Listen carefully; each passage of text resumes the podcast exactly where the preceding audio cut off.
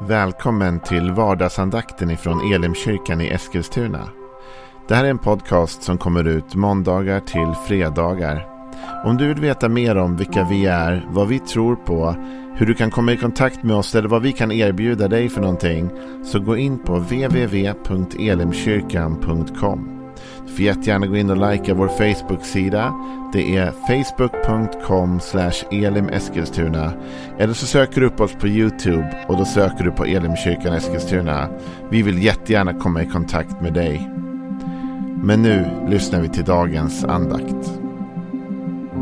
Välkommen till en ny vecka med oss här på vardagsandakten.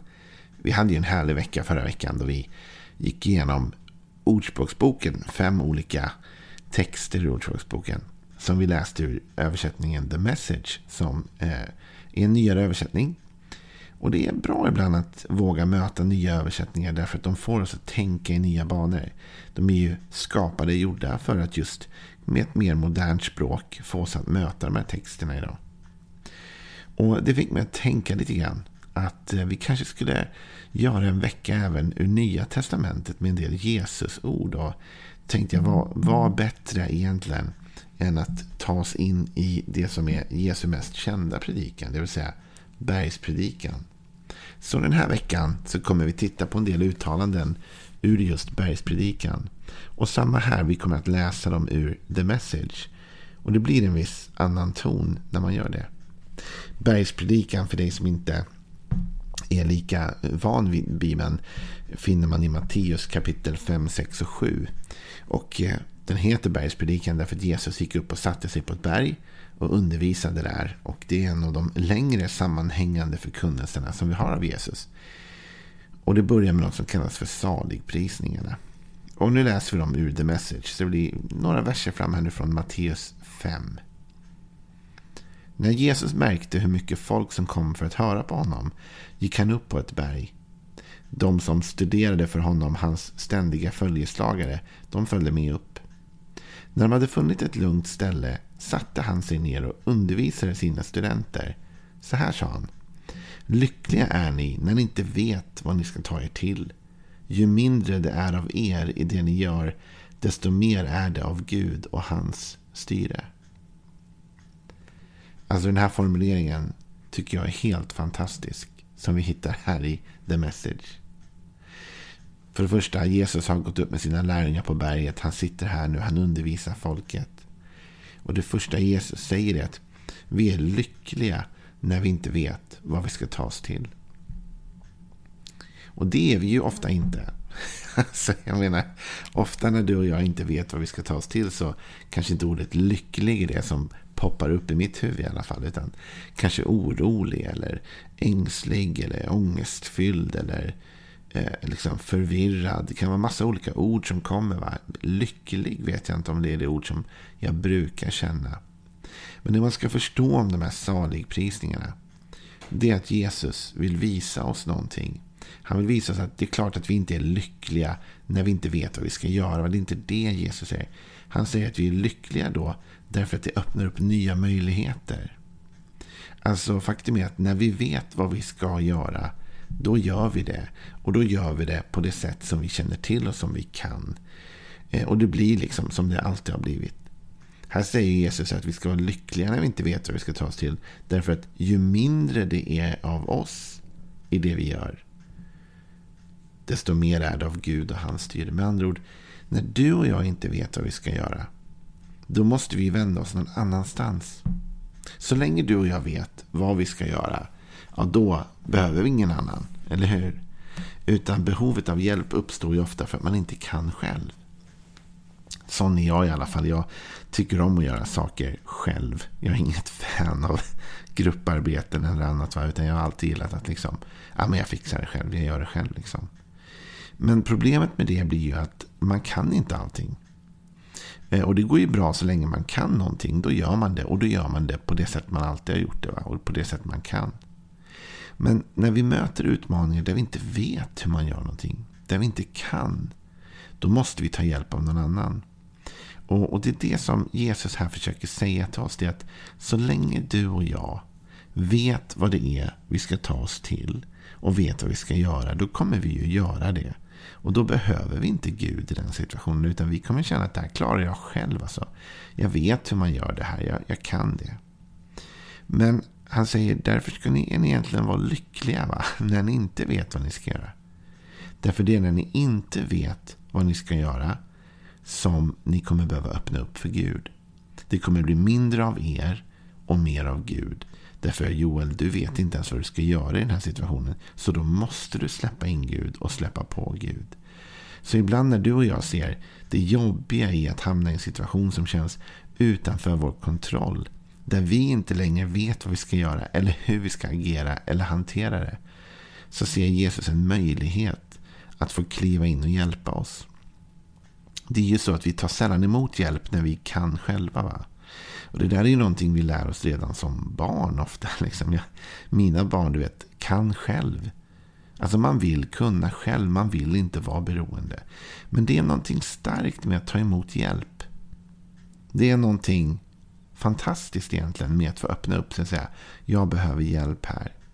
Och desto mer det är av mig i det jag gör, ju mindre plats är det för Gud. Och ju mer utrymme det är för Gud, på ett sätt, ju mindre blir det av mig. Men det är ändå inte riktigt så att Gud liksom på något sätt tar bort oss eller vår identitet eller vår personlighet. Det är inte det det handlar om. Men det handlar ändå om att ju mer jag gör själv av allting, ju mindre utrymme finns det för någon annan att få göra något. Och jag kommer ihåg att det där var en sån där lärdom jag lärde mig när jag jobbade som ungdomspastor. Eh, och det tog mig några år att lära mig det. För i början när jag eh, var ny där och jobbade så gjorde jag allting själv. Därför det kändes lättast. Liksom. Man tog gitarren och sjöng en lovsång själv. Typ. Man, man predikade, man gjorde i ordning eh, PR-grejer, man gjorde allting själv. Liksom. För man tyckte att det var smidigt och enkelt. Men vet du att resultatet blev sämre. Några år in så hade jag lärt mig att delegera och jobba med team. Och helt plötsligt så blev det så mycket bättre. Och ungdomsarbetet blomstrade mer. Därför att nu var det andra som gjorde saker. Det blev mindre av mig, men det blev en bättre helhet. Du vet, i ditt liv kan det ibland behöva bli mindre av dig för att Gud ska kunna kliva in mer. Så på ett sätt är det verkligen som Jesus säger här. Att lyckliga är vi när vi inte vet vad vi ska ta oss till. Därför ju mindre det är av oss i det vi gör, ja, men desto mer är det av Gud och hans rike. Va? Ju mer möjligheter finns det för Gud att kliva in. Paulus han talar mycket om det här. Och han har flera kända texter om det. En av dem är från andra Korinthierbrevet. Och då talar han om att han har ett problem som han inte lyckas på något sätt ta sig förbi. Och man kan läsa om det i andra Korinthierbrevet 12 och vers 7. Så säger Paulus så här. Och för att jag inte ska förhäva mig efter dessa väldiga uppenbarelser har jag fått en tagg i köttet. En ängel från Satan som ska slå mig så att jag inte förhäver mig. Tre gånger har jag bett Herren att den ska lämna mig. Men han svarade, han svarade mig, min nåd är nog för dig, för min kraft fullkomnas i svaghet. Därför vill jag hellre berömma mig av min svaghet, för att Kristi kraft ska vila över mig. Och därför glädjer jag mig över svaghet, misshandel, nöd och förföljelser och ångest för Kristi skull. För när jag är svag, då är jag stark. Det här är ju en väldigt märklig text, eller hur? För när jag är svag, då är jag stark. Det känns ju nästan motsägelsefullt. Det känns ju som att, va, va, va, vad menar du Gud egentligen? Vad menar du Paulus? Hur kan du vara stark när du är svag? Det är väl, du är väl stark när du är stark och svag när du är svag? Nej, men det Paulus menar är precis det Jesus sa. Paulus har insett här att ju mer det är av Paulus i dig, ju mindre är det av Gud. Så att ju svagare Paulus blev så visste han att behovet av Gud och hans nåd blev större. Och på det sättet sa Paulus vill jag hellre berömma mig av min svaghet. Därför det är när jag är svag som jag blir stark därför jag släpper till Gud. Vet att du blir som starkast när du inser dina egna brister och vågar låta andra komma in och hjälpa dig och inte bara försöker klara allting själv. Och nu predikar jag väldigt mycket till mig själv för jag, jag är en sån som gärna vill göra allting själv. Men faktum är att när vi inser att det är bättre att du och jag ibland inte är i allt vi gör utan låter andra komma in och hjälpa oss och framförallt öppnar en dörr för Gud in i vårt liv.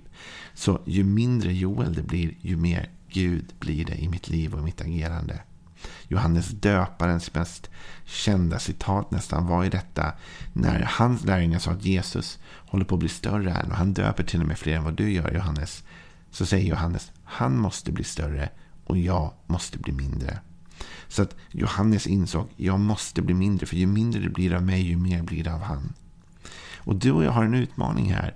Att våga släppa kontrollen över vårt eget liv. För att låta Gud komma in. Så länge du håller kontrollen över alla moment och delar av ditt liv. Så har ju Gud ingen chans att komma in och göra någonting. Han får inte ens möjligheten. Men när du och jag vågar släppa. Vågar säga okej okay, Gud. Jag behöver inte ha kontroll på det här. Jag behöver inte ha totalt, eh, vara totalt i allt det här. Utan den där delen lämnar jag Gud till dig. Jag lämnar det här till någon annan. Målet blir då att Kristus ska bli större i oss hela tiden. Och i Galaterbrevet när Paulus skriver till församlingen i Galatien. Så skriver han de här fantastiska verserna i Galaterbrevet 2.19. Jag har genom lagen dött bort från lagen för att leva för Gud. Jag är korsfäst med Kristus. Och nu lever inte längre jag, utan Kristus lever i mig. Och det liv jag nu lever i min kropp, det lever jag i tron på Guds son som har älskat mig och utgett sig för mig. Jag förkastar inte Guds nåd. För om rättfärdighet kunde nås genom lagen, då har Kristus dött förgäves. Paulus otroligt stark ord. Nu lever inte längre jag, utan Kristus lever i mig. Och så talar han om nåden och om lagen. Och det är så viktigt att förstå det, för lagen handlar om att själv kunna leva efter, göra rätt. Men Paulus inser att om jag hade kunnat gjort detta själv, är det det Paulus säger, då hade ju Kristus inte behövt dö. Men jag klarar det inte själv. Jag når inte fram till detta själv. Utan jag behöver att Kristus kommer in. Och faktum är att ju mindre det blir av mig, ju mer kan Kristus komma in och ta över i mitt liv. Så vågar du släppa taget? Det är frågan i dagens vardagsandakt. Vågar du lämna över kontroll till Jesus? Vågar du släppa in Jesus lite mer i ditt liv? I olika områden av ditt liv där du kanske inte har släppt in honom. Vågar du idag låta honom komma in och ta över och ta mer initiativ? Vet du, jag tror att ditt liv kommer bli bättre om du gör det. Därför Jesus vill ditt bästa. Jesus vill alltid ditt bästa. Och om du och jag förstod det och vågade lita på det, då skulle det vara mycket lättare att släppa kontroll till honom. Därför han kommer inte föra dig i någon riktning som är skadlig för dig, eller negativ för dig, eller som håller igen dig. Tvärtom kommer han ta dig till nya nivåer, till högre nivåer. Men vi måste våga lämna över kontrollen. Så jag läser de här orden från Jesus igen i The Message-översättningen. då. Lyckliga är ni när ni inte vet vad ni ska ta er till. Ju mindre det är av er i det ni gör, desto mer är det av Gud och hans styre. Så släpp kontrollen idag, så hörs vi imorgon igen. Hej då.